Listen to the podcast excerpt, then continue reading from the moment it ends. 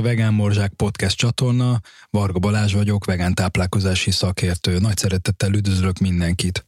Mai vendégem nem más, mint Parák András, aki már volt a podcast csatorna életében vendégként itt, és nagyon örülök, hogy újra itt vagy ugyanis közösen beszélgettünk arról, hogy érdemes lenne egy újabb beszélgetést, interjút csinálni, mert az a téma, mivel foglalkozol, és amit most most is hoztunk így a hallgatóknak, azt szerintem nagyon érdekes, és a mostani világban, meg amilyen helyzetben vagyunk, szerintem igenis érdemes ezzel foglalkozni, méghozzá ez a stresszkezelés. Ugye a stresszkezelésnek hatalmas nagy az a buboréka, amiben lehet mazsolázni és nézelődni, de kifejezetten most azt a témát fogjuk érinteni, hogy igen, mi a stresszkezelés, hogyan lehet ezeket kezelni, mi a háttere, illetve egy nagyon érdekes megközelítése, hogy keleti és nyugati alapokon hogyan lehet megközelíteni, illetve kezelni. Nagy szeretettel üdvözöllek újra a stúdióban. Nagyon szépen köszönöm a meghívás Balázs, és nagyon örülök, hogy itt lehetek megint. Itt hát az a stresszkezelés és lelki egyensúlya a kapcsolatban, ezt szeretném elmondani, hogy itt tervezgettem egy ilyen kis bemutatkozást, hogy ez a lelki egyensúly, ez egy olyan dolog, amit így évezredek óta keresgélünk a világ minden táján, tehát ez egy nagyon jellegzetes vallás és mitológiai elem, a jó és rossz harca, ugye aminek általában a középpontjában a világ áll, akár mondjuk a taoizmusba, a yin yang talán amit a legtöbben ismernek, tehát ez a fajta egyensúlykeresés, ez a világ nagyon sok mitológiájában az ősidők óta felmerül, és van egy hát mítosz tudós Joseph Campbellnek hívják, nagyon szeretem a munkáit, van egy nagyon jó könyve a mítosz hatalma, ez majd benne lesz az ajánlásokban is, de itt is ajánlom mindenkinek. És ő nagyon szépen leírja, hogy az összes ilyen külső misztikus utazás az valójában egy belső utazás, ugye saját magunk felé. Tehát alapvetően ez a világban fennálló egyensúly állapotnak a kutatáshoz valahol egy metaforája a saját magunkban felelhető egyensúly állapot kutatásának. Ugye itt a taoizmus, akár, är de a védák, az indiai mitológia, ez a védikus mitológia, nem tudom, hogy jól használom ezt a kifejezést, de hogy az is több korszakra osztja így a Földnek a történetét, váltakoznak a jó korszakok, a bőség korszakai, és a rossz korszakai, a Káli Juga korszakai, aminek gyanúsan sok egybeesése van így a mostani időszakkal. Nagyon sok közös éle van szerintem, de akár mondjuk egy Arisztotelész, ő is leírja az arany középutat. Nagyon szeretem például Nietzsének azt a mondását is, hogy a kiváló ember az egyszerre hordozza magának kiválóságát, és a kiválóságának a terhét is. Hmm. Tehát mindenhol ott van az az egyensúlykeresés, ugye nem, nem nagyon sikerült eddig olyan bölcs, bölcsességet találni így az évezredek során, amelyik azt mondaná, hogy akkor van itt egy tökéletes ilyen kis unikornisokkal teli zöld mező, hanem mindig ott van valami egyensúlykeresés is, mindig megvan ennek valahol az ellensúlya, és a kettő között keresünk egy középutat, talán így ennyit mondanék el így a lelki egészség kapcsán bevezetésnek, és hogy mivel ez egy évezredek óta tartó folyamat, úgy gondolom, így az embernek a megismerése, ennek az egyensúlyállapotnak a megismerése, ezért így fontos tisztázni, hogy mi ehhez tudunk nézőpontokat adni, kutatások alapján, nézőpontok alapján, filozófia alapján, kelet és nyugati nézőpontok alapján, de hogy ne essünk, nem fogunk abba a, abba a hübriszbe, abba a gőkbe esni, hogy most mi ennek elmondjuk a tökéletes receptjét, hogy mi a lelki egyensúly titka. Nézőpontokat tudunk ehhez nyújtani, és mindenki ki tudja keverni a saját koktélját, szerintem. Hmm. Igen, mert hogyha lelki egyensúly, és ugye párosítjuk azzal, hogy stresszkezelés, akkor valójában ha ahol van lelki egyensúly, vagy legalábbis törekszünk rá, ott vélemezhetjük azt, hogy kevesebb stressz van. Ez az egyensúlyi állapot, ez nagyon érdekes szerintem, hogy ez egy flexibilis vagy stabil dolog. Tehát, hogy a Aha, lelki hú, egyensúly... Ez jó, ez jó ez a felvetés, igen. Hogy a lelki egyensúly az azt jelenti-e, hogy valaki egy ilyen nagyon szilárd, törhetetlen szikla, vagy pedig azt jelenti-e, hogy minden körülményhez képes alkalmazkodni. Ez, ez szerintem egy ilyen nagyon érdekes egyensúlykeresgélés rögtön így a szilárdság és a rugalmasság között.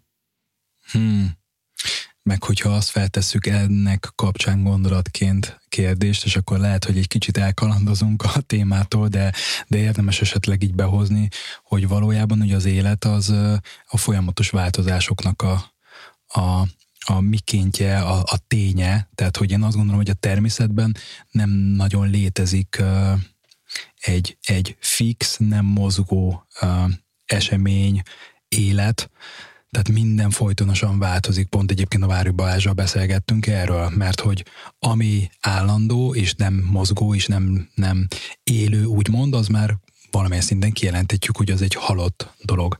Tehát voltak éppen ez is kicsit ehhez kapcsolódik, hogy hogy az élet az egy folyamatos változás, és kell is, hogy változzon. Az egy másik dolog, hogy ezekre hogyan reflektálunk, és mm. hogyan fogadjuk be ezeket a változásokat. Hát erre is van egy bő 2000 éves filozófiai kérdés, hogy beleléphetünk-e kétszer ugyanabba a folyóba. Hát, és, be, és beleléphetünk? Hát igen is, meg nem is. Pont az a lényeg, hogy nincsenek ilyen nagyon egyértelmű válaszok. Egyébként egy kicsit elkanyarodtunk már most rögtön erről a tervezett stresszkezelés témáról, de hogyha már itt vagyunk a lelki egyensúlynál, én talán próbálnék találni egy választ így a, a stabilitás meg a változékonyság egyensúlyára. Erre konkrétan van kutatás is.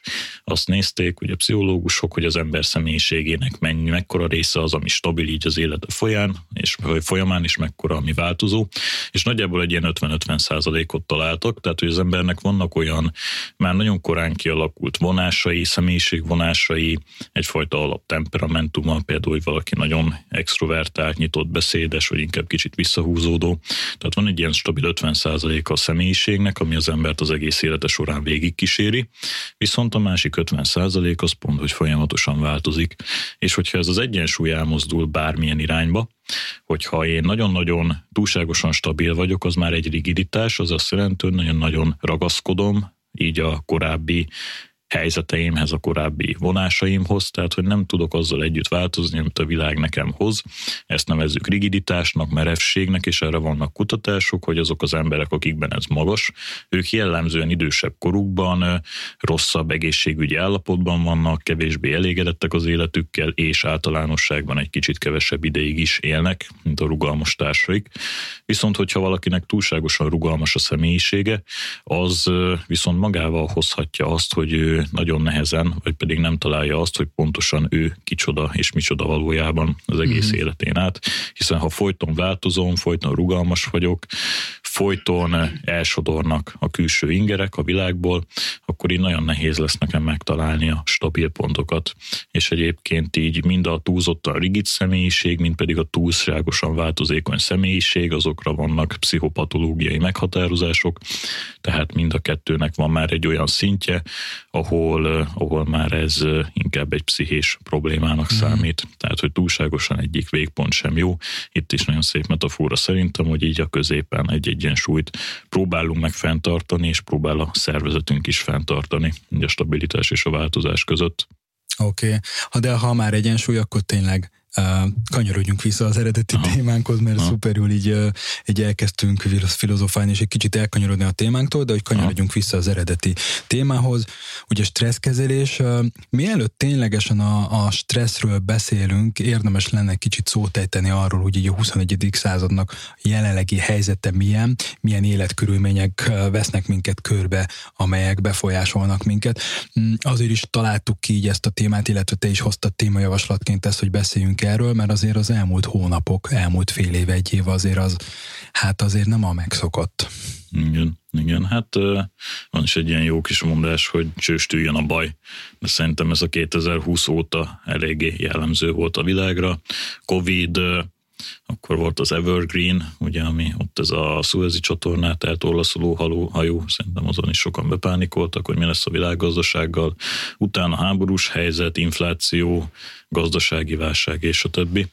Ugye az indiai mitológiában van ez a Káli Jugának az időszaka, ez amikor a világ egy ilyen rossz, a keréknek a rossz oldalán van, és annak a jellemzői ugye a káosz, az összeomlás, a félelem, és hogy ennek azért sok jele megjelenik a mostani világban is. Ez, amit hát buka világnak nevezhetnénk, ugye egy kicsit tudományosabb megközelítéssel. Ez a változékony, bizonytalan, összetett és kétértelmű világnak egy betűszava. Ezt, ha jól tudom, katonai vezetők találták ki, utána pedig így a, a vállalati világban is átvették, és az arra vonatkozik, hogy ez a 21. századi világ elsősorban az tényleg hihetetlenül gyorsan változik, nem nagyon lehet kiszámítani, hogy mi fog történni. Kereskedelemben dolgozó ismerősöktől erre nagyon jó kézzel fogható példát számlákat lehet kapni, hogy egyszerűen nem tudnak két hétre előre kalkulálni árakkal.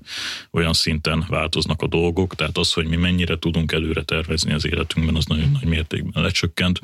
Illetve, hogyha megnézzük például a háborús helyzetet, most ugye az ukrán-orosz háborút, akkor hát szomorú és egyben nagyon érdekes megfigyelni, hogy egymásnak teljes mértékben ellentétes álláspontok jelennek meg. Erről ugye a különböző médiatermékeket, különféle sajtótermékeket követünk, teljes mértékben ellentétes álláspontokkal találkozhatunk arról, hogy kinek a hibájából történt az az egész, kinek kéne engedni a feltételeiből, tehát hogy nincsenek ilyen egyértelműen jól megfogalmazható biztonságot nyújtó igazságok, hanem mindent így két oldalról lehet vizsgálni, és ez is egy elbizonytalanító faktor, ez is egy stressz faktor, hogy egyszerűen nem lehet azt mondani, hogy jó, itt van az igazság, és mindenkinek ehhez kell tartania magát. Tehát az igazságokban inkább csak választani tudunk, és hinni valamiben, de ugyanakkor, ha tudjuk, hogy van egy teljesen ellentétes nézőpont, akkor az már növeli a kiszolgáltatottságot és a bizonytalanságot, mert mi van, hogyha meg az az igazság, és mit tettünk rosszulra ezzel, tehát ez a VUCA világ, amiben jelenleg élünk. Hogy érinti szerinted az embereket ez a, ez a hatás? Azért szerintem ez egy érdekes megközelítése ennek a témának így kérdésként, mert van olyan, akit, akit mondjuk például egyáltalán nem zavar az, hogy hogy globális felmelegedés van, és hogy a környezetünk szépen lassan romlik, van, akit egyáltalán nem zavar, bár mondjuk nyilván szerintem kevesebben vannak, akit nem zavar mondjuk a háború, vannak olyanok, akiket nem zavar a, az infláció, de fordítva is van, akit ez zavar, van, aki az zavar. Szóval a kérdés az az, hogy szerinted hogy érinti ez a, az embereket, és mi az, ami igazából így befolyásolja? Köszönöm szépen, így az előbb a bajok felsorolásánál is fejtettem a globális felmelegedés meg, hmm, megemlíteni. Úgyhogy szerintem ez mutatja azt is, hogy hiába egy nagyon fontos, és úgy gondolom, hogy minket is érintő témáról van szó, tehát én például is sokat gondolkozom azon, hogy gyerekkoromban még volt hó, most meg így nincs. Igen. De hogy van annyi aktuális nyomás, hogy így ez most ki is ment a fejemből. A legerősebb hatás, hát maga a stressz, a kiszolgáltatottság faktora, az elsősorban így az inflációban mondanám. Nekem egy érdekes tapasztalat ügyfelekkel, hogy erre azért rá szoktam kérdezni, hogy hogyan élték meg ők, amikor egy új, új emberrel kezdek el együtt dolgozni, akkor én erre rákérdezek, hogy hogyan élték meg az elmúlt éveket, hogyan élik meg ezt a jelenlegi helyzetet, és alapvetően ahogy múlnak a hónapok, akár mondjuk így a legaktuálisabb esemény a háború kitörése óta, egyre kevesebben mondják azt, hogy így aktívan bennük van ez a téma. Ugyanakkor én úgy veszem észre, hogy jobban megfontolunk döntéseket, főleg pénzügyi döntéseket, ugye, és hogy maga ez a hát a gazdasági inflációs helyzet, ez, ez generál egy kiszolgáltatottságérzést, egy folyamatosan jelenlévő, nem kifejezetten erős, nem kifejezetten halálfélelem, de mégis egy szorongást és egy kiszolgáltatottság érzést, és ezek nagyon-nagyon erős stresszfaktorok. Maga a kontrollvesztettség az a legerősebb stresszfaktorok között van, ezért van, hogy például egy közlekedési dugó nagyon fel tudja idegesíteni az embert, hiszen pont, hogy azt éljük meg, hogy mi szeretnénk haladni, és hogy mások miatt erre nincsen lehetőség, be vagyunk zárva a mi kis fém kalitkánkba, az autóba, és hogy maga a közlekedési dugó például a leginkább stresszes helyzetek egyike, mert nincsen behatásunk arra, hogy mi éppen tudunk-e haladni, vagy nem. Van egy ilyen bezártságérzés, és maga ez a gazdasági válság, infláció, VUCA világ is generál egy hasonló érzést, nem tudjuk feltétlenül, hogy merre fogunk haladni a következő időszakban, és így úgy gondolom, hogy ez csökkenti így a, a saját cselekvési erőnkbe vetett hitet is, amikor kiszolgáltatottnak érezzük magunkat. Hmm.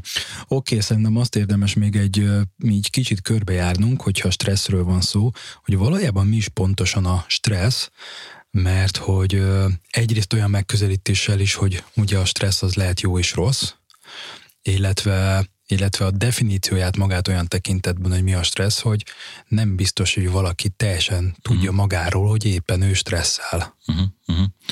Köszönöm szépen a kérdést, és ez nagyon fontos, mert ahhoz képest, hogy a stresszkezelés az mennyire sláger téma, uh-huh. azért már nagyon sok éve alapvető félreértések vannak szerintem ezen a területen nagyon sokaknál.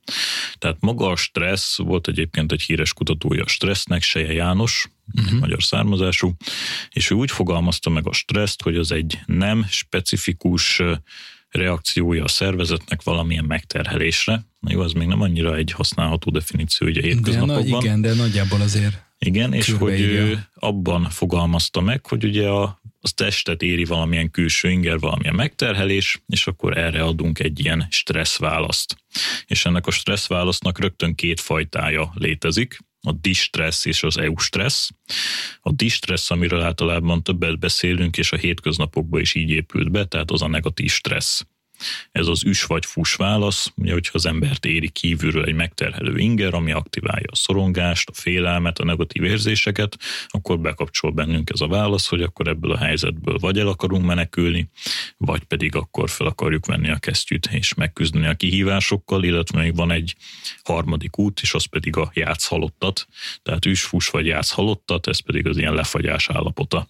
Az állatoknál figyelhető meg ez igen, gyakran. Igen, igen, igen, hát konkrétan fizikailag állatoknál, embereknél ugye az figyelhető meg, hogy befagynak olyan élethelyzetekbe, olyan döntéshelyzetekbe. Igen. Tehát a halogatás az például tipikusan ilyen, amikor egy fontos döntést halogatok, hogy így nem teszem meg a lépést, hanem így egyszerűen befagyok abba az állapotba, és közben így ugye megyek ki a határidőkből, valószínűleg még inkább nő rajtam a nyomás, hogy hozzam meg ezt a döntést, és még inkább nem csinálok semmit. Lehet, hogy ez így ismerős egy-két embernek, nekem biztos, hogy ismerős ez a halogatási jelenség. És a másik ugye az az EU stressz, az pedig a pozitív stressz. Azt úgy képzelhetjük el, hogy pozitív meglepetés, izgatottság, bizsergés, pillangók a gyomorban, sport közben, egy olyan pillanat, a flow állapot is egy EU stresszben megjelenő állapot. Tehát ez már fontos, hogy a stressz az maga a szervezetünk stressz válasz az nagyon hasonló ezekre az eseményekre, mind a pozitívakra, mind a negatívakra. Tehát az orgazmus, meg a halálfélelmet azt egyébként nem könnyű egymástól elválasztani, hogyha csak a testi reakciókat nézzük. Csak hogy az egyik ugye nyilván egy pozitív végkimenetelje jár a számunkra, a másik pedig megterheli a szervezetet, és ebben már nagyon nagy része van annak, hogy mi hogyan értékeljük azt az ingert és a mi saját testi válaszunkat. Volt egy kísérlet, ez a Schlachterzinger kísérlet 1962-ben, és az volt a lényeg ennek a kísérletnek, hogy három hogy emberek három csoportjának adtak egy inekciót, amiben volt egy vitamin koktél, semmilyen reakciót nem vált ki alapvetően ez a vitamin koktél, és mind a három csoport más és más instrukciót kapott. Az egyiknek azt mondták, hogy ettől az inekciótól jobban fogják magukat érezni, másiknak azt mondták, hogy ettől az injekciótól így kellemetlenebb, feszültebb hangulatba fognak kerülni, harmadik csoportnak pedig azt mondták, hogy ennek az injekciónak nincsen semmi hatása, és valóban azok az emberek, akik különféle csoportokban voltak, átélték ezeket az állapotokat más és más hangulatba kerültek attól, hogy őket érte egy inger, és hogy ők ezt máshogyan értelmezték. Tehát itt jövünk meg ahhoz a, ahhoz a mondáshoz, hogy minden fejben dől el, ami azért uh-huh. nem teljesen igaz, de az, hogy mi hogyan értékelünk egy stressz eseményt, és hogy az hogyan érint minket, abban nagyon nagy szerepe van annak, hogy mi hogyan értelmezzük ezt a dolgot. Van is Shakespeare írta le ezt egyébként, hogy nem létezik jó és rossz, csak a gondolkodás teszi azzá, de egyébként Buddha, Marcus Aurelius és még többen, többen lényegében ugyanezt határozták meg, hogy a külvilágból nem érkezik be jó és rossz inger, hanem te tudod eldönteni, a te értékeléseden múlik, hogy az az inger, az az esemény számodra, az pozitív vagy negatív következtetéseket hordoz. Hmm.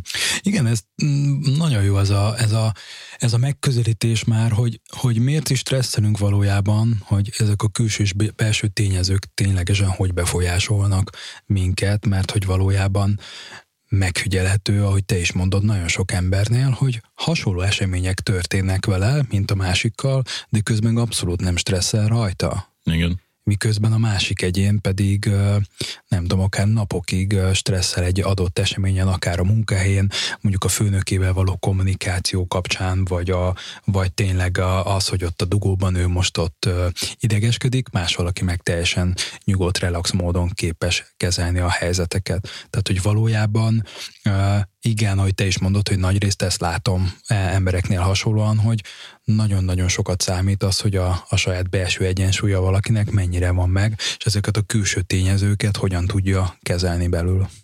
Pontosan, viszont még van itt egy olyan szemlélet, amit szerintem érdemes elmondani ezen a ponton, mert ugye te is felvetetted, hogy a stressz az, az jó-e vagy rossz-e. Igen. És hogy van ez a szemlélet, amit én nagyon szeretek, a Stressznapos oldala című könyv foglalkozik ezzel, ami azt mondja, hogy a stressz az a barátunk. És ugye erre felvetődhet a kérdés, hogy, hogy ki az az őrült, aki azt mondja, hogy a stressz az nekünk jó, miközben csak az Amazonon valami 33 ezer könyv foglalkozik azzal, hogy hogyan tudjuk a stresszt kezelni, meg hogy tudjuk, hogy a, a hosszú ideig elhúzódó magas stressz az okozhat ö, infarktust, keringési zavarokat, szexuális problémákat, elhízáshoz hozzájárul, dohányzáshoz és nagyon sok mindenhez. És hogy azt mondja ez a könyv, hogy ö, hogy nem feltétlenül értjük mindig jól azt, amikor stresszkezelésre gondolunk. Mert az a helyzet, hogy a stressz az mikor jelentkezik? Akkor jelentkezik, amikor az életünkben találkozunk valamilyen kihívás jelentő helyzettel. Tehát a stressznek mindig van egy üzenete, a stressz az azt mondja, hogy figyelj, van itt egy helyzet az életedben, ahol neked nagy energiákat kell mozgósítanod, hogy meg tudj küzdeni ezzel a helyzettel, hogy tudd ezt kezelni. Tehát a stressz alapvetően az, az egy jelzés, az egy nagyon-nagyon jó jelzés. Ez kicsit olyan lehet, mint a fájdalomnak a metaforája. Tehát, hogyha megváljuk mondjuk az egyik ujjunkat, akkor ott a fájdalom az egy jelzés arra, hogy figyelj, itt most van egy seb, ezt be kell kötni, neked ezzel törődni kell, mert hogyha nem törődsz vele, akkor ennek súlyosabb következményei lehetnek. Elvérzel, megfertőződik, vagy bármi. A stressz ugyanennek lényegében a lelki leképeződése, egy fájdalom inger, a distressz, ami rámutat arra, hogy figyelj, neked itt most valamilyen kihívással kell szembenézni, reagálj rá valahogyan. Uh-huh. És azt mondja ez a könyv, hogy a stressznek mindig van egy üzenete, és hogyha mi ezt az üzenetet meg tudjuk érteni, akkor meg tudjuk tenni a szükséges lépéseket abban, hogy mi elhárítsuk ennek a stressznek a forrását. Tehát maga a jól értelmezett stressz az a barátunk, mert egy nagyon-nagyon hasznos iránytűt nyújt ahhoz, hogy figyelj barátom, te itt és itt és is stresszelsz, akarsz-e valamit kezdeni ezekkel a szituációkkal. És hogy önmagában itt van egy félreértés, hogy nem a stressz reakciót kell kezelni, tehát nyilván fontos az, hogy vannak a stressz, akut stressz reakciónak a lenyugtatására különféle technikák, amik fontosak és jól jönnek, mert például akár egy nyilvános beszéd előtt, ha stresszelek és kicsit meg tudom magamat nyugtatni, akkor jobban fogok teljesíteni, vagy például sportolóknak egy verseny előtt. Viszont hosszú távon nem érdemes folyamatosan a saját stresszreakciómat elnyomni, mert ezzel nem azt érem el, hogy megoldom az életemben azt a szituációt, ami nekem stresszt okoz, hanem a saját védekező reakciómat fogom eltompítani. Tehát a stresszkezelésnek ez a legfontosabb alapelve, hogy nem a stressz reakciót kell eltompítani, hanem tedd ki az életedből azt a tényezőt, ami neked stresszt okoz. Mert amíg ez a tényező ott van, addig, addig neked folyamatosan ott lesz ez a stressz reakció is. És hogy ez látszólag egy ilyen kis banális dolog, de szerintem óriási szemléletváltás.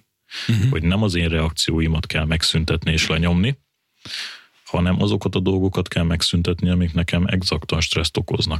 Tehát uh-huh. azok az igazi akadályok. Oké, okay, és uh, mi történik akkor, hogyha például egy ilyen szituációban vagyunk, és uh, abszolút nem kezeljük ezt a helyzetet, vagyis a stressz az elhúzódik, milyen hatása és következményei lehetnek ennek? Uh-huh. Itt nagyon érdekes, hogy a fejlett országokban, tehát ahol már a gyerekhalálozás, illetve a különféle betegségek, járványos betegségek például azok már viszonylag jól kezelhetőek orvosilag, ott a stresszbetegségek átvették a vezető szerepet a halálokok között, tehát például a Hát ezek koronavírus előtti adatok, nyilván azoknak az értelmezése, a pontos szétválasztása hogy, hogy pontosan hogyan járult hozzá a halálozáshoz, az még a mai napig nem, nem tisztázott, illetve dolgok folynak rajta a munkálatok. 2019-es adatok szerint így a top három halálozási indok Európa, ott, ott kőkeményen benne voltak a stresszbetegségek, tehát például a keringés és légzésszervi betegségeknél ott egyértelműen van stressz indok, illetve újabb kutatások szerint a rák kialakulásában is, bizonyos típusú rák típusok, daganatos betegségek kialakulásában is nagyon nagy mértékben ott tud lenni a háttérben a stressz. De hogy fontos, hogy itt az elhúzódó és nem kezelt distresszről beszélünk, mert továbbra sem maga a stressz az ellenség, hanem az a helyzet, ami számunkra egy ilyen negatív stresszt okoz, és nem tudjuk azt megfelelően kezelni. Tehát, hogyha hosszú ideig beleragadunk ebbe az állapotba, az természetesen káros lesz számunkra. Hmm. Igen, ez nagyon érdekes, amit mondasz. Valójában ez megerősíti azt a tényt is, amit ugye a, az egészségfejlesztésben, ugye a virágmodellben mutatnak be, hogy a virágmodellben ugye az egészségnek a, egy alap, alapfontossága dimenziója ugye a lelkünknek a kezelése, és ugye a virágmodellben a virág szára az Na. a lélek, Igen. és hogyha az nincsen rendben, akkor igazából hiába ugye a virágszírmokon ott vannak az egyéb tényezők, meg az egyéb befolyásoló dimenziók, de valójában, hogyha a lelket nem ápoljuk, kezeljük, akkor akkor a virág az elhervad. Uh-huh, pontosan, pontosan. Ha már stressz, akkor érdemes egy nagyon picit ugye érinteni a szorongást és a pánikot, hogy miben különbözik a stressztől. A szorongás az általában egy diffúz félelem. Tehát a stressznek nagyon sok oka lehet, ilyen például a kiszolgáltatottság, a kontrollvesztettségérzés, lehet a stressznek oka a félelem, hogy félek valamilyen eseménynek a bekövetkezésétől, a stressznek lehet az oka a fájdalom, akár testi vagy lelki, lehet az az oka, hogyha az én határaimon átgázolnak, és így valaki bejön az én személyes terembe, úgyhogy nem engedem be. A szorongás ezzel szemben egy egy olyan félelemérzet, ami diffúz, nincsen feltétlenül egy megfogható képe, hanem csak így ráül az ember vállára. Ugye a szorongást azt kiválthatja nagyon-nagyon sok minden szintén. Egy olyan félelem, amit én nem fogalmaztam meg, és én tipikusan úgy látom, hogy maga ez az inflációs gazdasági válsághelyzet az, az erős szorongást tud generálni nagyon sokaknál, hiszen van benne egy, egy csipetnyi abból, hogy hogyan fogom tudni kifizetni az albérletemet, a kiadásaimat, a gyerekemnek biztosítani az oktatást, és azokat a dolgokat, amik őt megilletnék. Van benne egy ilyen, hogy mi van, hogyha tovább drágulnak az árak, tehát ez már így reflektál a legalapvetőbb lét bizonytalanságainkra és félelmeinkre. Ugyanakkor valószínűleg kevés ember fogalmazná meg azt, hogy hát én attól félek, hogy holnap az utcára kerülök és éhen fogok halni, mert azért még ott nem feltétlenül tartunk. Tehát, hogy itt maga a szorongás az mindig egy ilyen megfoghatatlan diffúz félelem, van, amikor ennek a félelemnek van tárgya, amit így egy kis kutatással magunkban meg tudunk verbalizálni, van, amikor pedig ennek nincs tárgya, és hát igen, sajnos ott van, hogy a szorongásra van hajlam, tehát a szorongásra genetikai, illetve akár korábbi családtörténetből, eseményekből, traumákból fakadóan van, van egy hajlam is létezhet. Tehát uh, itt azt érdemes figyelembe venni, hogy van egy ilyen képlet a pszichológiában, hogy uh, hogy valamilyen hatás az mindig a személyes tényező, meg a külső tényezőnek az összeadódásából fakad. Tehát ha például is stressz nézünk, akkor hogyha van arra egy személyes sérülékenységem, amire még ráadódik egy külső hatás, ami számomra stresszt okoz, akkor ott kialakul ez a megterhelő reakciója a szervezetemnek. Tehát ha én például alapvetően egy szorongó típus vagyok, és egy gazdasági válság közepén találom magam, mint külső inger, akkor az lehet, hogy nálam magasabbra fogja tolni ezt az állandó szorongás és stressz szintet, mint annál, aki egyébként meg belül egy nagyon stabil ember, és alapvetően nem feltétlenül így az anyagiak érdeklik annyira. Hmm, Oké, okay, um, most elég jól körbejártuk, hogy mi a stressz, és uh, szerintem jó értelemben egy picit fel is korbácsoltuk a hangulatot, hogy most mindenki el tud azon gondolkodni, hogy valójában van-e stressz az életében, Hogyha eddig azt gondolta, hogy nincs, akkor lehet, hogy most azt érzi, hogy van, de persze most egy kicsit ezt így viccesen mondom, de hogy így körbejártuk a stressz, uh, szerintem a hallgatóknak legiga, leginkább, ami egy, egy szuper érdekes téma ezután, hogy oké, okay, most már tudjuk, mi a stressz, uh-huh. milyen fajtái vannak, mi a, a többi érzelmi reakcióhoz képest a különbség, de hogy valójában hogyan tudjuk kezelni a stresszt. Ugye, hogy te is mhm. említetted, mostanában a stresszkezelés az egy elég nagy sláger téma, ahogy szintén említetted, hogy rengeteg könyv van a témában, vannak nagyon alapok, vannak újak, ha olybá tűnik, hogy nagyon-nagyon sok módszertan van, sok mindent lehet látni a neten, akár eseményeket, éventeket, könyveket, módszereket, meditációkat, stb. Valójában a kérdés, hogy tényleg a stresszkezelésnek milyen módszerei vannak, tényleg ennyi módszer létezik, vagy inkább csak egyfajta mindset megközelítést érdemes elővenni a fiókból? Oké, okay, köszönöm szépen a kérdést, nem lesz rövid. Amit érdemes szerintem először még csak ilyen szemléleteket mondanék, hogy hogyan érdemes a stresszkezelést egyáltalán megközelíteni, és akkor utána rátérnék konkrétabb dolgokra. Tehát egyrészt mondtam, hogy van ez, az, ez a képlet a pszichológiában, hogy az én belső világom összeadódik a külső világból érkező hatással, és abból kialakul az én adott eseményre adott reakcióm. Hát ez ugye stresszkezelésnél úgy néz ki, hogy először nézzük meg azokat a belső tényezőket, amik meghatározzák a mi stresszel való viszonyunkat. Ebből rengeteg van, ilyen például a sémák. Én sématerápiás szemléletben is képződöm, és a sémák azok lényegében olyan mentális konstrukciók, amik irányítják a gondolkodást, az érzelmeket és a viselkedésünket, és mindenkinek vannak bizonyos sémái, amik kialakulnak általában gyerekkorban, ezek azt szolgálják, ezek a sémák, hogy jobban tudjunk alkalmazkodni a világhoz, együttműködni a körülöttünk lévőkkel. Viszont az a helyzet, hogy ezek a sémák egy idő után gyakran elavulnak, és hogyha ezek fönnmaradnak a mi életünkben, egy olyan szituáció után, ahol szolgáltak minket, de tovább már nem szolgálnak minket, akkor utána problémákat okoznak.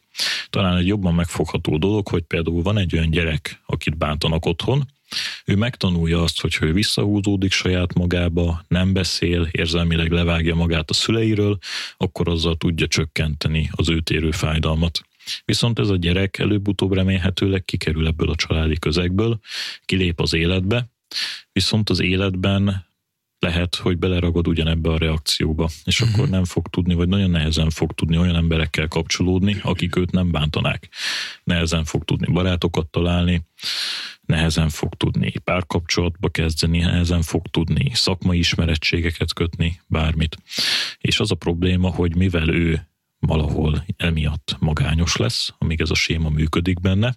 Tehát egyrészt a magány az önmagában egy nagyon pusztító hatással bír, konkrétan aktiválja az agyi fájdalomközpontokat, amikor magányosnak érezzük magunkat, tehát fizikai fájdalommal jár létező összes kutatás, ami a társas kapcsolatokat vizsgálta, arra jutott, hogy akinek jó kapcsolatai vannak, az általában tovább is él, és nagyon jobb minőségben és jobban küzd meg, érzelmileg és fizikálisan is kevésbé viselik meg a stressz események, mint akinek jó kapcsolatai vannak.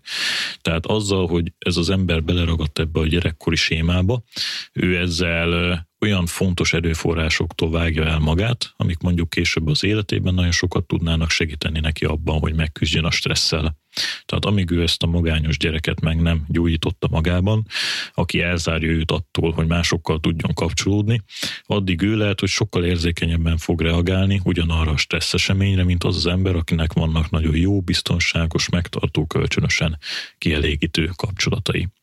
Tehát is, hogy a sémák között nagyon sok van, összesen 18 ilyen séma létezik, ilyen például a könyörtelen mércék, vagy bocsánat, amit mondtam, ez maga az elhagyatottság, akkor egy következő a könyörtelen mércék.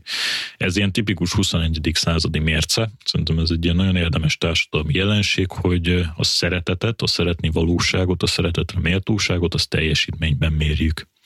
Minél jobban teljesítünk, azt hiszük, hogy majd annál jobban fognak szeretni minket, és, és ez egy ilyen abszolút 21. századi társadalmi dolog és aki könyörtelen mércék sémában éli az életét, ő például nagyon-nagyon kiszolgáltatott lesz annak, hogyha valaki mond egy negatív kritikát az ő teljesítményére, de ez akár kritika sem kell, hanem egyszerűen a saját teljesítményét folyamatosan alulértékelni, folyamatosan többet akar teljesíteni, folyamatosan túldolgozza magát, és még ezek ellenére is ott fog benne munkálni egy impostor szindróma. Tehát lehet, hogy őt egy akár egy saját vélt hibája, vagy egy főnöktől érkező negatív visszajelzés sokkal jobban meg fogja ingatni, mint azt az embert, aki tudja magának békében azt mondani, hogy megtettem mindent, ami tőlem telhető. Hasonló séma például ez a folyamatos készenlét. Ezek az emberek, akik ebben a sémában élnek, tipikusan ők is általában gyerekkorban megszokták, hogy mindig van valami veszélyhelyzet. Nagyon gyakran feszült vagy bántalmazó családokból jönnek ők, és ők folyamatosan abban élik az életüket egy ilyen folyamatos riadó állapotban, egy készültségi állapotban, és érthető módon, ha ebbe a feszült állapotban becsúszik valamilyen külső stressz inger, akkor ott az már egy sokkal nagyobb, sokkal intenzívebb, sokkal megterhelőbb reakciót fog okozni. Tehát például az, hogy nekünk milyen sémáink vannak, milyen akár gyerekkori emlékekből, traumákból, korábbi helyzetekbe vagyunk benne ragadva. Ezek nagyon erősen tudják befolyásolni a mi belső stabilitásunkat, és hogy az az inger, ami mást lehet, hogy nem ingat meg, minket sokkal jobban megfog, hogyha pont rátapint erre a sérülékeny sémára.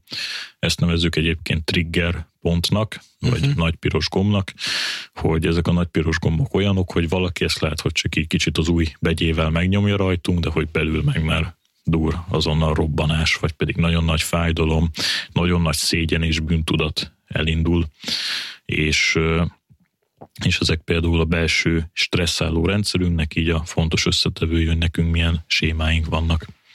Akkor hasonló például a kognitív torzításoknak a rendszere. Ezek olyan információfeldolgozási torzítások, amik szintén korábbi tapasztalatok alapján alakulnak ki, és szintén csak azt befolyásolják, hogy mi hogyan látjuk a világot. Ilyen kognitív torzítás, például a túl általánosítás.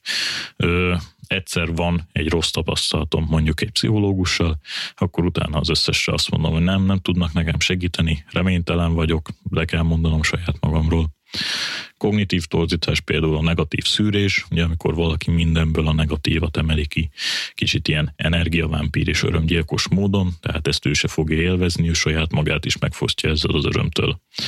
Kognitív torzítás lehet például a címkézés, amikor így önkéntelenül is mindenkire, és ezzel együtt valószínűleg saját magamra is folyamatosan negatív címkéket ragasztok. És például minél több ilyen kognitív torzításom van, általában így a stressz eseményekből is jobban kiszűröm azt, ami számomra negatív, és is sokkal jobban megingatja a belső világomat, mint az az ember, aki tudja ezeket a dolgokat egy magabiztosabb, reálisabb szemmel nézni. Igen, itt még behoznék egy olyan szemléletet, ez egy ilyen munkamodell, amit én szoktam alkalmazni, így a hát személyiségnek, vagy a változásnak a szintjének nevezem, ezt úgy érdemes elképzelni, mint egy jéghegyet, aminek van három, három lépcsőfoka. Van egy nagyon mély lépcsőfok, ez a biológiai és mély személyiség szint.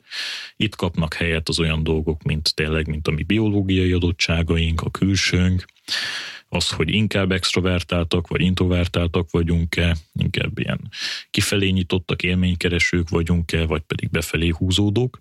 Tehát itt olyan dolgok vannak, amiket nagyon nehéz direkt ráhatással megváltoztatni, de meghatároznak minket. Van egy középső szint, ez a személyiség szintje, itt kapnak helyet az olyan témák, mint például a családi örökség, traumák esetleg, így a személyiség fejlődésünknek a korai időszakában bekövetkezett dolgok, az életünket meghatározó tapasztalatok, külső visszajelzések, tehát ez, ez már kívülről lehet ráhatni, ez inkább egy terápiás folyamat, vagy már egy ilyen pszichológiai konzultációs folyamat, ahol ez a mély réteg módosítható, és van egy felszíni réteg, ez amit így raktapassz szintnek nevezek, ami így könnyen lehet ráhatni, viszont nem hoz mély változásokat. A tudatosság növelése, szokások, kisebb-nagyobb kisebb-nagyobb cselekvések megváltoztatása az, ami helyet kap. És hogyha azt nézzük, hogy stresszkezelés, ezzel, mind a három szinten lehet dolgozni, ugye főleg a felső kettőn. Lehet, lehet alkalmazni kis stresszkezelő technikákat, például légzés technikát, ugye ez tipikusan egy ilyen raktapasz szintű dolog, egy adott helyzetben egy kicsit jobban meg tudom nyugtatni magam egy légzés technikával, viszont hogyha nekem van egy olyan sémám vagy torzításom, ami sokkal inkább kiszolgáltatottabbá tesz a stresszel kapcsolatban, akkor viszont azzal már a személyiség szinten kell dolgozni. Tudom, így érthető ez a kép, követhető volt? Abszolút, abszolút érthető, és szerintem jó is, hogy elég részletesen ezt kifejtetted, mert, mert valójában ebből nagyon szépen látszódik, hogy azért ez nem egy ilyen félmondatos, egymondatos megoldás, de egy dolgot azért szerintem le lehet szűrni ebből a, a mondandóból, amit most megosztottál velünk, hogy valójában a, a stresszkezelés az egy komplex dolog, és a személyiségnek a, az, hogy milyen a modellje, és hogy mi hogyan nőttünk fel, milyen események értek minket, uh-huh. ezek nagyon-nagyon befolyásolják azt, hogy a későbbiekben, a jövőben, vagy hát aktuálisan a jelenben egy adott stressz helyzetet hogyan tudunk kezelni. Uh-huh. Tehát valójában elég sokszor azt látom én is, hogy hogy persze itt felnőtt korban is nagyon sokat tudunk változni, és sok ja. minden érhet minket, de hogy valójában azért tényleg ott a gyermekkorban sok minden eldől. Mm, Mhm. Pontosan így köszönöm ezt az összefoglalást, tehát pont ez a lényeg, hogy a stresszkezelő könyvek azok tipikusan általában a felszínnel foglalkoznak, tanítanak különféle technikákat, és hogy mondom, ez egy fontos szintje a stresszkezelésnek, de ha az én személyiség szintemen van mondjuk egy olyan séma, egy olyan sérülékenység, egy fragilitás, ami engem sokkal kiszolgáltatottabbá tesz a stressznek, akkor én csinálhatok egy csomó technikát, magát ezt az alapreakciót nagyon mérsékelten fogom tudni uh-huh. csökkenteni. És ezzel könnyen bele is sodrom magamat egy olyan spirálba, hogy hiába próbálok ki 5000 technikát, uh-huh. egyikkel se fogom tudni véglegesen megszüntetni azt, hogy én stresszes vagyok, és akkor még csinálok magamnak egy extra szorongást ezzel kapcsolatban, hogy de nem igaz, hogy mindent kipróbáltam. És nem működik. Igen, nem működik, én csinálom rosszul, én vagyok a selejtes, én vagyok a gyenge, más miért nem viselnek meg ezek a dolgok. Pont azért, mert ezeknek az okát gyakran egy mélyebb szinten kell keresni, ami inkább már egy önismereti folyamatként értelmezhető, és hogy ezeket pedig exaktan könyvekben nagyon nehéz lehet visszaadni.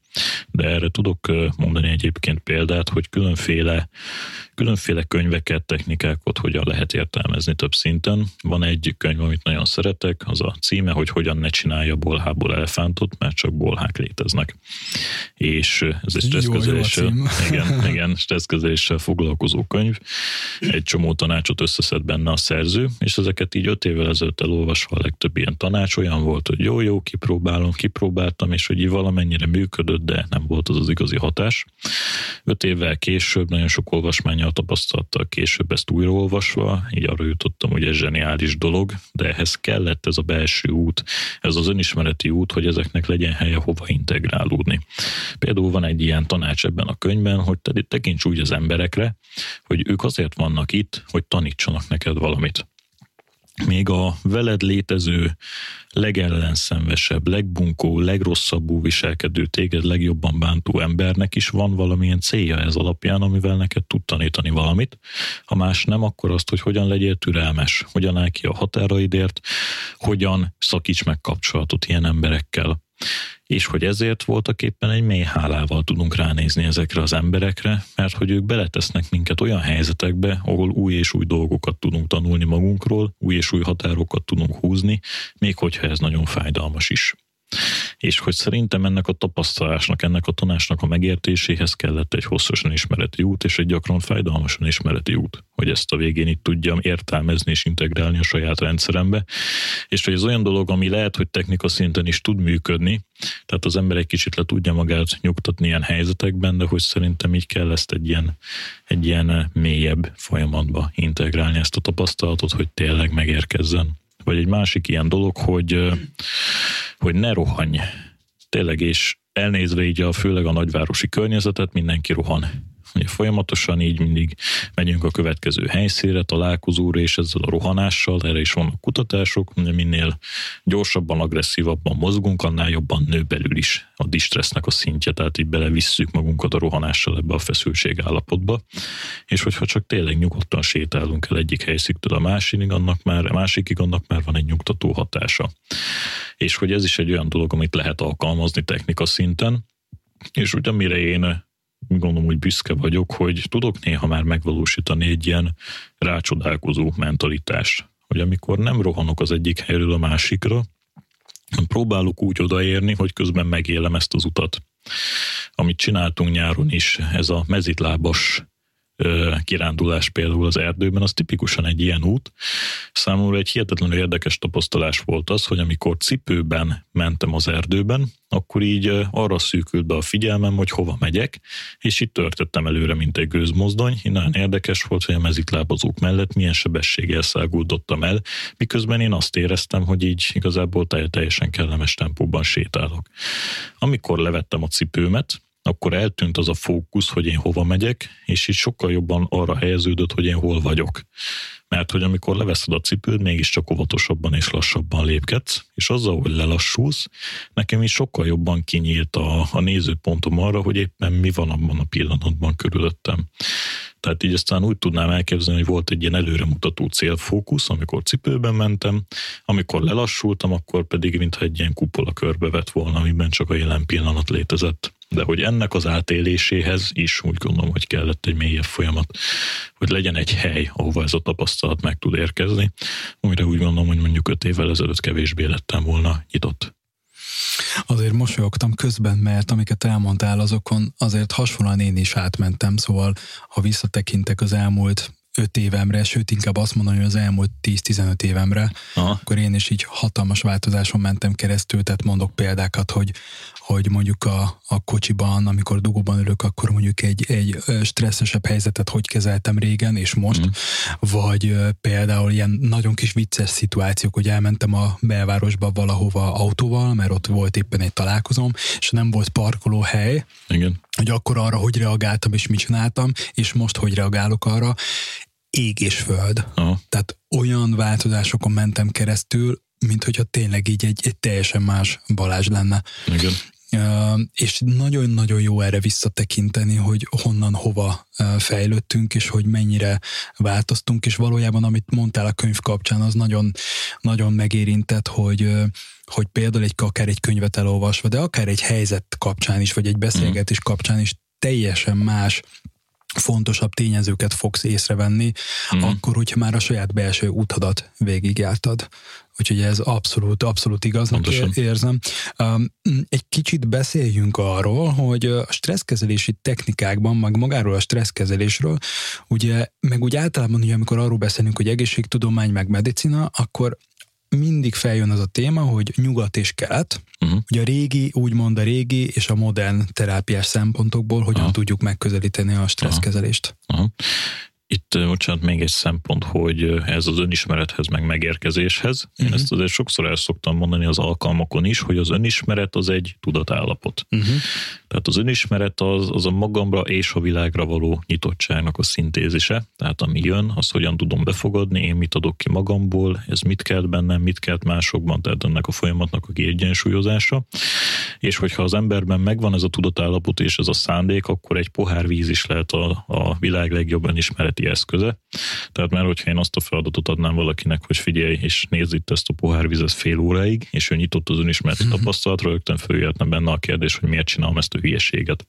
És akkor itt ez már rögtön egy jó önismereti tapasztalat, hogy hogy De ez tök jó, amit mondasz. Hát ugye Eckhart Tolle mondta nem egyszer elő, előadásában, hogy ugye ő azt mondja, hogy ha olyan tudatszinten vagyunk, akkor igazából egy virágot nézve is ha. lehetünk boldogok, mert hogy egy virágnak a, a létezésében is meg tudjuk tapasztalni a világnak a szépségét. És hogy valójában, hogyha képesek vagyunk akár egy virágot nézni fél órán keresztül, hogy az milyen uh-huh. szép, és hogy ő, ő milyen szépen létezik, akkor valójában azért az is elég sok mindent elárul rólunk, hogy éppen Pontosan. mi hol tartunk az úton. Pontosan, köszönöm a hasonlót. Hát ugyanerre gondoltam, Igen. aki pedig nem nyitott erre az önismereti állapotra, még ha azt is mondja esetleg, annak pedig lehet akármilyen bonyolult terápiás modellel bűvészkedni, nem fog megérkezni ez a tapasztalat. Azt felszínen, akkor magic, magic. igen, a felszínen lehetnek ilyen változások, de hogy, de hogy az nem fog mélyre leérni, uh-huh. és itt, ha már keleti-nyugati irányok, nekem Herman Hessének a Siddhartha című könyve jut eszembe. Ő eléggé elmélyült keleti tanokban is, és írt egy ilyen alternatív buddha élet útvonalat, és az a helyzet, hogy van Siddhartha, és van Govinda, az ő legjobb barátja. És Siddhartha buddha, ő úgy jött el a megvilágosodáshoz, hogy él egyszerűen, és valamennyire reflektív. Tehát ő először kiköltözik a vadonba, ahol egy ilyen hát, kolló szerzetes lesz lényegében, de hát rájön, hogy ő még fiatal, és hogy, és hogy még sokkal több van ennél az életben, visszatér a városba, lesz egy gazdag kereskedő, lesznek szeretői, aztán megunja ezt a nagy fényűző életet, mert rájön, hogy az emberek nagy része egy gyerek ember, aki örökké megragad így a, a felszínes vágyak kielégítésének a fogságában, és megint vándor útra indul. És nagyon sok állomást így bejár élete folyamán, és ebből így összeáll neki egy olyan kép, az a megvilágosodás pillanata, amikor ő ül egy folyó partján reggel, és így látja, hogy így zubog előtte a folyó, és így hallani kezd. Így hallja a folyóban a jelen hangját, a múlt hangját, a jövő hangját, hall benne boldogságot, sírást, hall benne férfiakat és nőket, hallja benne saját magát, és meg tudja azt valósítani, hogy egyszerre hallja ezt az összeset, de egy is ragadja magával. Tehát így lényegében így lát mindent, hall mindent, ami ő körbeveszi, de hogy nem agaszkodik fel az ő gondolkodása egyikre sem, nem ragadja el se az öröm, se a szenvedés, se a saját nézőpontja, se másé. Egyszerűen tud így önmaga maradni, és kapcsolódni mindennel, amit ő körülvesz, és az a megvilágosodás pillanata és ez szerintem egy gyönyörű momentum, miközben az ő barátja Góvinda. Góvinda az egész életében különféle mestereket követ, már vagy az ötödik mesternek a tanításait hallgatja végig, és amikor találkoznak, Góvinda továbbra sincs, nem jutott el a megvilágosodás állapotába, hiszen mindig más fejével gondolkodott, soha nem volt nyitott arra, hogy benne mi van, és ő hogyan kapcsolódik a világgal. Tehát, hogy itt már ez szerintem egy ilyen fontos keleti tan, hogy egyrészt igyekezzünk megvilágosodni, mondjuk ez pont nem így megy, a másik meg maga ez a tapasztalati út. Tehát, hogyha mindig mástól próbáljuk meg megtanulni azt, hogy hogyan próbáljuk megkezelni a stresszt, de hogy ezt nem próbáljuk magunkban szintetizálni, akkor soha nem fog ez igazából mélyre érkezni, ez a tudás és ez a tapasztalat. Tehát itt például Buddha meg Govinda között ez a nagy különbség. Buddha tudott önmaga lenni, az önmaga nézőpontjából gondolkodni, önmagára nyitott lenni, miközben Govinda egész életében pedig követte azt, amit mások mondtak neki és lehet, hogy ez kicsit paradox, hogy ugye most egy podcastben vagyunk, és ugye próbálunk tippeket adni, de hogy az, amit az elején is mondtam, hogy így ezek nézőpontok, útvonalak és összetevők, és hogy ebből mindenki magának tudja kifőzni ezt a lelki egyensúly elixírt. Egy másik ilyen keleti tan, ami nekem nagyon-nagyon tetszik, az például az ikigai szemlélet. Ez az ikigai, az, az értelem, a kiegyensúlyozottság, célok, boldogság, lényegében ezek összetevőjeként fordítható le. Szeretem a japánokban mindenre van egy szavuk, egy ilyen kifejezésük, és vannak a világon úgynevezett kék zónák, ahol olyan emberek élnek, akik hosszú ideig élnek, tehát az átlagnál jóval hosszabb ideig élnek, és, és boldogságban élnek, tehát jó minőségben és Okinaván említették meg ezt az ikigai fogalmat, mint az ő boldogságuknak és jólétüknek az egyik fő összetevőjét, és ennek nagyjából azok az összetevői, hogy olyan dolgot csinálsz, amit szeretsz, amiben jó vagy, amivel biztosítani tudod a megélhetésedet, és amire a világnak szüksége van, tehát van egy küldetés tudatod, és ezt még én hozzátenném, nincs benne a hivatalos modellben, de hogy szerintem az is, hogy jó emberek vesznek körül. És hogyha ezek a faktorok megvannak, akkor, és ezekbe is tudnak érni neked ezek a tapasztalatok, akkor abból lesz egy olyan stabil belső tartás, amit nagyon-nagyon nehéz megint meg kívülről megingatni, hiszen még hogyha mindenedet is elveszted, még mindig ott lesznek a kapcsolataid, még mindig ott lesz a küldetésed, még mindig ott lesznek dolgok, amiket azért csinálsz, mert szeretsz. Tehát lényegében ez egy ilyen ötfaktoros stressz modell, amiből, hogyha egy-két faktor, három faktor kiesik, még mindig ott van egy csomó dolog. És az a probléma, hogy például egy átlagos embernek, főleg így a 21. században, nagyon el, elidegenedő és, és elszeparálódó társadalomban élünk, nagyon nagy probléma az elmagányosodás, és például gondoljunk bele, van egy olyan átlagos ember, egy átlagos magyar ember, akinek mondjuk így a Covid alatt volt egy munkája, meg volt egy eljárogatott edzésekre. Covid alatt bezárták a helyet, ahol járt edzeni, és elvesztette a munkáját. Totális megsemmisülés érzés. Ugye, mert hogy neki lehet, hogy nincsenek ott a kapcsolatok, nincs ott a küldetés, nincsenek egyéb dolgok, amiket ő szeret csinálni. Abból a két faktorból, ami őt így pályán tartotta, mind a kettő megszűnt és ez egy például fontos ilyen stresszkezelési szemlélet szintén, hogy mik azok, amikre mi tudunk támaszkodni, hogyan uh-huh. lehet minél több ilyet biztosítani, amiből, hogyha ki is esik egy-kettő, ugye az élet az történik, akkor még legyen ott olyan faktor, ami megtart minket. Ezen a területen mit gondolsz, hogy a keleti és nyugati terápiás eszközök mennyire mosodnak össze, mennyire vette át mondjuk a nyugat a keleti terápiás eszközöket, mondjuk Aha. tipikusan olyanokat, amiket most említettél is? Aha. Igazából magát ezt, ugye én mondtam ezt a kelet-nyugat megkülönböztetést, de igazából ennek semmi értelme nincs, mert ők ugyanazt mondja mind a két irányzat, tehát az ember az teljesen ugyanaz. Popper Péternek van egy ilyen kis története, hogy amikor ő vallástudományi konferenciákon járt, mindig a papok voltak azok, elkezdtek egymással vitatkozni a különféle irányzatokból, akik ugye inkább elméleti emberek, amik a szerzetesek, ugye a megélés és a tapasztalás emberei, ők nagyon jól el voltak, függetlenül attól, hogy a világ melyik részének, melyik irányzatából érkeztek, mert a tapasztalás annyira nem különbözött.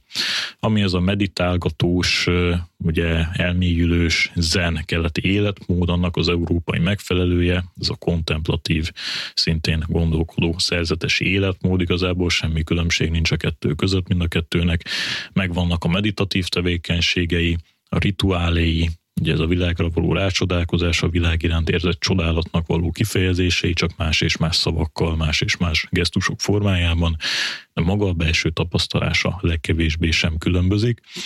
Nagyon szeretem eh, Assisi Szent Ferencnek egy mondását, ez így szól, hogy Uram, adj türelmet, hogy elfogadjam, amit nem tudok megváltoztatni, adj erőt, hogy meg tudjam változtatni, amit meg tudok változtatni, és adj bölcsességet, hogy ezt a kettőt meg tudjam különböztetni. Milyen és szép.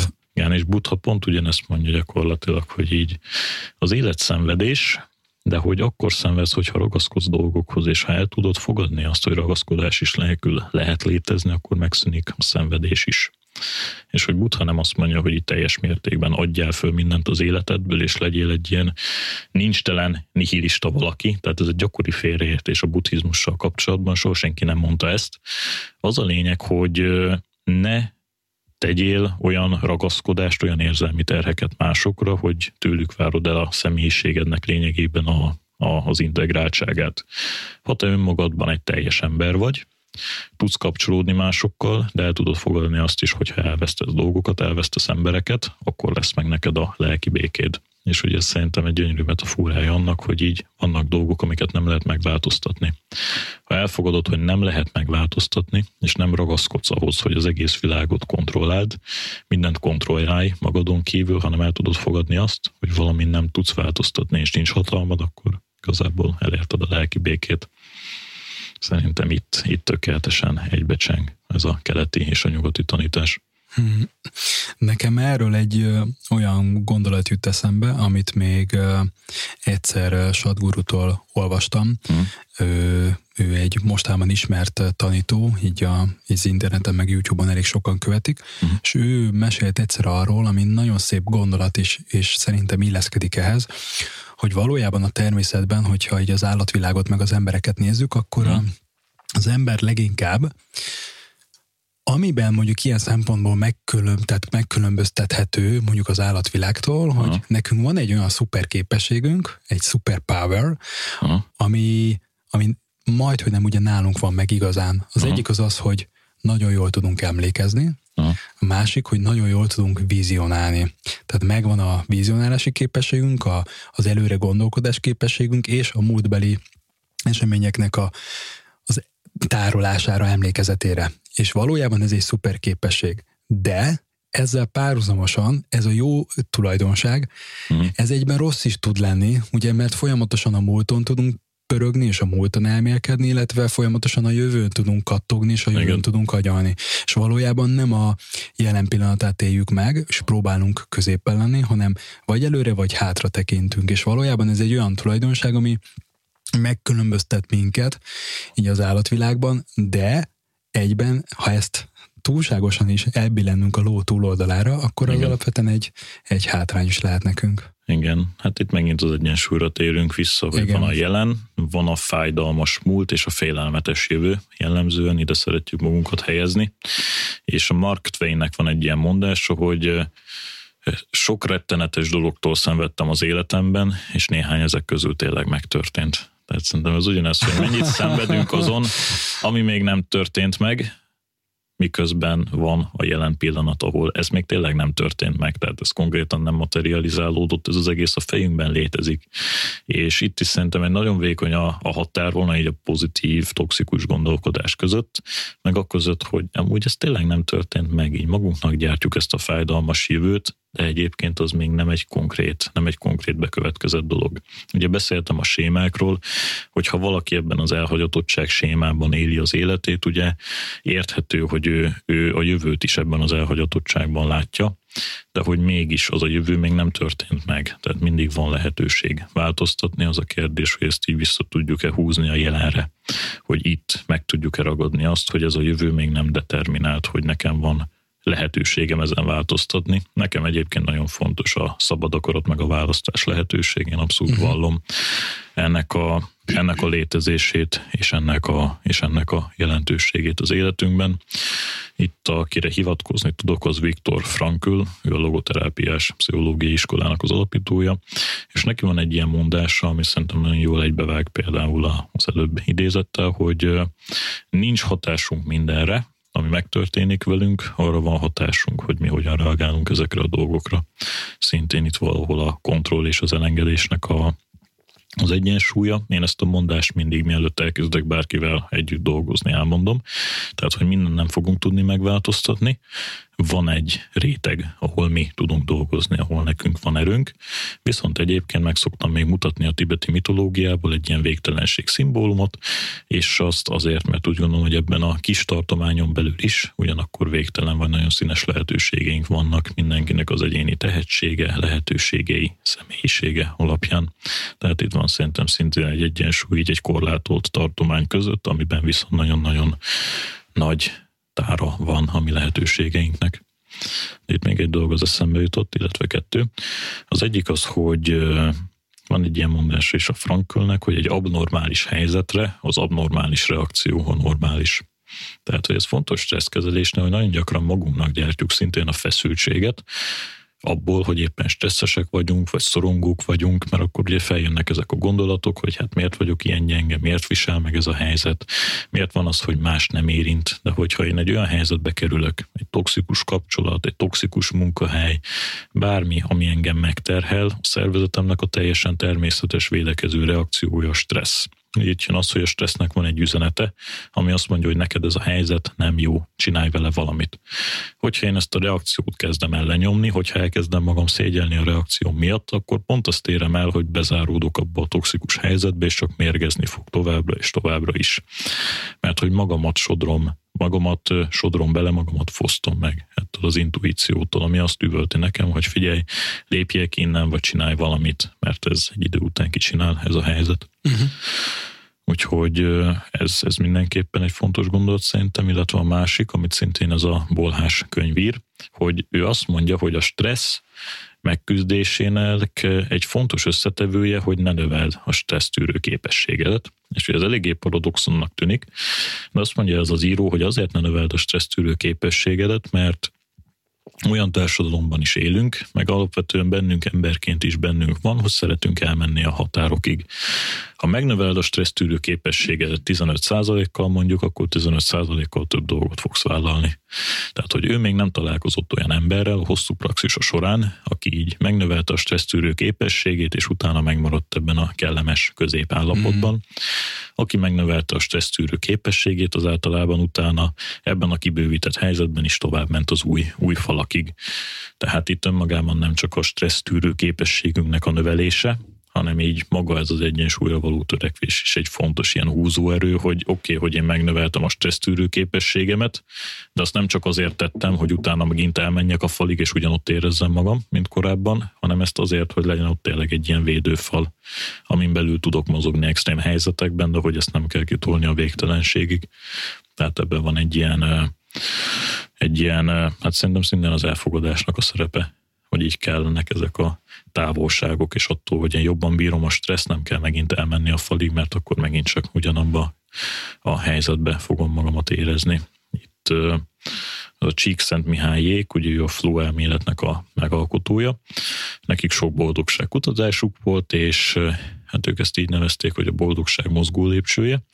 Ugyan, mintha az ember fölfelé haladna egy olyan mozgó lépcsőn, ami jön szembe felé, tehát lefelé, és így föllépünk egy lépcsőfokot, történik egy előléptetés, belépünk egy új kapcsolatba, elérünk valamilyen új eredményt, egy darabig örülünk neki, fönn vagyunk, aztán ez megint csak lesüllyed, és ez lesz az alapállapot. Akkor megint csak jön az érzés, hogy följebb kéne lépni egy, egy lépcsőt. Megint föllépünk egy lépcsőt, örülünk egy darabig, megint lesüllyed, és hogy ebből nagyon könnyen lesz egy ilyen végtelen mókuskerék, hogy így uh-huh. az az állapot, amiről én tíz évvel ezelőtt álmodtam, az most az a helyzet, amivel a legkevésbé sem vagyok elégedetlen és persze érthető, hogy az ember akar törekedni az életében előre, és ez egy fontos drive, és ez fontos megélni, csak hogy nagyon könnyen elvisz abba az irányba, hogy soha semmi nem elég. És az a folyamatos szűkölködés, a folyamatos elégedetlenség állapota egy újabb stresszfaktor. Itt eszembe jut annak a, nem tudom, hogy mennyire legenda, de úgy gondolom, hogy biztos van alapja, és biztos voltak ilyen emberek, akikkel ez történt, hogy például a 2008-as gazdasági összeomlásnál többen öngyilkosok lettek, olyan emberek, akik elvesztettek mondjuk 50 millió dollárt, nekik még volt 50 vagy 100 vagy 250 milliójuk egyébként ezen kívül, amit nem vesztettek el. De önmagában ennek a vagyonuk egy részének az elvesztése, az annyira megingotta őket, hogy teljesen elvitte a fókuszt arról, hogy egyébként nekik még így is annyi maradt, amiből még az unokáik is kényelmesen élhetnének az életük végéig. Tehát maga ez a szűkösség, sem szemlélet, ez a stresszinger, ez úgy elvitte őket, hogy teljesen elfelejtették, hogy mi az, ami még van. Szerintem ez egy nagyon szép záró gondolat volt. Egyrészt azért, mert nagyon széles spektrumot érintettünk szerintem ebben a uh-huh. beszélgetésben, és és azt gondolom, hogy így a hallgatóknak is betekintést adtunk abban, hogy pont ez az utolsó mondatot, hogy valójában mi az, ami igazán fontos nekünk, mi az, amit érdemes igazán megélni, illetve mm. szerintem az is egy nagyon fontos gondolatrész volt, hogy, hogy egyrészt van irány és van lehetséges módszer arra, hogy kezeljük a stresszt. Egyrészt Igen. nyilván fontos az akaraterő, és fontos az, hogy nekünk legyen egy elhatározásunk, hogy szeretnénk változni. Vannak technikák, amiket mi is tudunk alkalmazni. Sok esetben javasoljuk szerintem mi is, hogy érdemes szakértőhöz menni, pszichológushoz, hogyha ha éppen olyan lehetőségünk van, és is azt gondoljuk, hogy kell segítség. Um, és azt gondolom, hogy tényleg sok olyan témát érintettünk, ami, ami a hallgatóknak ad egy, egy betekintést ebben, de mindenképpen azért visszadobom neked még a labdát, így a lekerekítés végén, hogy van-e benned még bármi, amit úgy hmm. megosztanál a téma kapcsán, amit fontosnak Aha. gondolsz. Én csak egy nagyon rövid összefoglalást tennék, hogy nekem volt itt egy kis jegyzetem, de hát ugye fontos rugalmasnak kell lenni, tehát nagyon-nagyon eltértünk helyenként, és úgy gondolom, hogy jól tettük, amit ugye hozott a beszélgetés, csak hogy hogy érdemes a stressz kezelni összefoglalva. Én erre mindig azt szoktam mondani, hogy rendszer, hogy egy edzésterv is úgy működik, hogy vannak gyakorlatok, külön-külön csinálod, néha össze-vissza őket nem fogsz előre haladni, egy rendszerben, egy edzésterben viszont ugye fogsz fejlődni, stresszkezelésre ugyanígy érdemes gondolni. Az első lépés ennek a rendszernek az, az szerintem maga az, hogy ez a három szint, tehát a felszínes szinten, a raktapasz szinten, próbálgassatok nyugodtan technikákat, légzéstechnikát, gondolatnaplót, hálanaplót, hasonló dolgokat. Ezek segíteni fognak egy kicsit abban, hogy magát ezt a, a felszínes szinten egy kicsit jobban tudjátok kezelni a stresszt. Középső szinten, a személyiség szintjén, ott önismereti munka, ami lehet pszichológus, coach, de bármilyen olyan dolog, amiben tényleg el tudtok mélyedni, és tudtok perspektívát nyerni saját magatokra, az nagyon-nagyon jó. Fontos tehát, hogy legyen egy ilyen mélyebb réteg is, és vannak a harmadik réteg, ugye ez az inkább már biológiai szint, lehet, hogy bármennyire elcsépeltnek hangzik, de ez az elfogadásnak a szintje. Megnézni azt, hogy kik vagytok ti, reálisan, letisztítva mindenféle ítéletektől, szégyentől, megnézni azt, hogy mik a lehetőségeitek, és megpróbálni ennek mentén élni, ugye annak az elfogadásával, hogy van, amit nem tudok változtatni, azt tudjátok megpróbálni, hogy kihozni belőle a maximumot. Tehát itt úgy gondolom, hogy a mélyebb önismereti munka és a stresszkezelési technikák azok egy rendszerben működnek, illetve ennek a rendszernek fontos része, hogy mindig azt nézzétek, hogy ne feltétlenül a saját stresszreakciótokat próbáljátok meg lenyomni, hanem nézzétek meg azt, hogy miért vagytok stresszesek, és az okokat próbáljátok megszüntetni. Mert szerintem nagyon gyakran ez az, ami elveszik. Nem bennünk van mindig az ok, a környezetünk megterhel. Én hiszek abban, hogy tényleg az ember egy ilyen holisztikus rendszerben létezik. Kölcsönhatásban állunk a környezettel, és nézzétek meg azt, hogy miért és hol vagytok stresszesek és hogy nem tényleg ez a környezetből fakad, és hogy ezeknek az okait érdemes megszüntetni. Tehát nem mindig magunkban kell keresni a hibát. Abszolút. Hmm, ez egy nagyon szép záró gondolat volt. Egyrészt köszönöm szépen az összefoglalót, um, szerintem ez fontos volt. Másrészt ez az utolsó záró mondat is uh, nagyon szépnek gondolom, hogy, hogy tényleg nem mindig azt gondoljuk, hogy mi vagyunk a hibások, mert lehet, hogy a körzet is arra kell, vagy reflektálnunk, ha. változtatnunk. Pontosan. Meg talán még egy utolsó gondolat, hogy nem tudom mennyire értesz vele egyet, hogy leginkább ebben a, ebben a témában talán a, a másik ilyen fontos dolog, hogy hát, hogy merjünk lépni merjünk változtatni. Tehát ne gondoljuk azt, hogy, hogy úgy sem tudok ezen változtatni, úgyis ez van. Igen. Tehát az élet az egy folyamatos változás, és merjünk abban hinni, hogy mi tudjuk alakítani a sorsunkat, az életünket, merjünk változni, és akkor jöhet az összes egyéb olyan tényező, amikről most beszélgettünk. Pontosan, ugye az élet az a folyamatos változás lényegében nekem is az a tapasztalatom, hogy a, a beragadás az a létező legrosszabb helyzet. Ugye a beragadás az nem azt jelenti, nem kell mindig előre rohanni, szuper, hogyha tudunk így ringatózni az adott pillanatban, de szerintem ezt mindenki érzi, hogy ő ott nagyon jól el van, vagy pedig így be vagytok ragadva. Egyébként a változásból az, az tényleg így, így szerintem szinte mindennek a kulcsa, illetve szintén nagyon sok filozófiai rendszerben megjelenik, hogy ugye a változás viszi előre az életet. Még egy utolsó-utolsó gondolat, pedig. Igen, de hogy van a Kiégés társadalma című könyv, ami tök jól lefejti igazából, hogy az ember az így abszolút nem a modern körülményekre lett kitalálva, tehát nekünk biológiailag, meg alapszemélyiségben mi arra vagyunk felépítve. Több millió éves örökségünk ez, hogy napi egy-két óra sús teljesítményt leadjunk, egyébként megfeküdjünk a tűz körül, meg csacsogjunk egymással. Hát ebből most napi 8-9 óra csúcs teljesítményt várunk el magunktól, plusz még egy csomó egyéb dolgot, háztartás, ügyintézés, stb., miközben elvágjuk magunkat a kapcsolatoktól. Tehát egy olyan rendszerben létezünk, egy olyan életmódban létezünk, ami abszolút nem a mi felépítésünkre lett kitalálva, tehát csodálatos, hogy ebben egyáltalán tudunk teljesíteni, és azt szerintem fontos ezt meglátni, hogy, hogy így ne ne próbáljunk magunkra egy tökéletes működést teljesít, kényszeríteni egy olyan rendszerben, ami egyébként abszolút ellentétes nagyon sok helyen, ami alapvető beállítódottságainkkal. Tehát, hogy ne várjunk tól el magunktól tökéletességet és olyan dolgokat, amikre mi nem vagyunk kitalálva egyébként és szerintem nagyon sok embernél ez okozza a stresszt, vagy ez is okozza nyilvánvalóan. Ezt írja ez a könyv is, hogy így megállás nélkül megpróbálunk megfelelni olyan ideáloknak, amik egyébként nem mi vagyunk és nem rólunk szólnak, valaki egyszer valahol kitalálta, és utána pedig megkérdőjelezés nélkül megpróbáljuk magunkat belegyömöszölni ezekbe a szűk keretekbe, miközben ezek nem is rólunk szólnak. Hmm. Egyébként azon mosolygok, hogy megint erről nekem is eszembe jutott még egy gondolat, de lassan tényleg ugye érdemes lekerekítenünk a beszélgetést, de azt gondolom, hogy egyébként ez, ez a soha nem tudnánk abba hagyni, igen. mert ez tényleg egy annyira érdekes téma és, és jó téma, úgyhogy, úgyhogy szerintem most lekerekítjük a beszélgetést. Én nagyon-nagyon köszönöm szépen, hogy itt voltál. Azokat, amiket említették könyvet, ahogy egyébként az előző adásnál is majd szerintem Igen. bele fogjuk tenni a podcast adásnak a leírásába, egy linkek formájában, úgyhogy el tudják érni a hallgatók. A te elérhetőségedet is beletesszük, ahogy múltkor, úgyhogy ha valaki azt érzi, hogy szívesen menne hozzád terápiára vagy konzultációra, akkor el tud majd érni. Oké, okay. hát nagyon szépen köszönöm én is, és nagyon élveztem a beszélgetést, és így van még itt nem tudom hány lapnyi jegyzet, úgyhogy... úgyhogy majd lehet, hogy megint folytatjuk. Jó. Köszönöm, hogy itt voltál. Én is köszönöm, Balázs. Amennyiben tetszett nektek az adás, egy cappuccino árával tudjátok támogatni a podcast csatorna működését, és patronálók lehettek. Ahhoz, hogy gyakrabban tudjunk publikálni posztokat, cikkreferátumokat és podcast adásokat, bizonyos munkák elkészítését kiszervezzük, hogy gyorsabban és több anyagot tudjunk készíteni nektek. Ez egy kis lépés tőletek havi szinten, de cserében nagyot mozdulunk előre, és így jelentősen gyarapodhat a ti tudásotok is. A patronáló linket az adás leírásában találjátok meg. Legyen szép napotok!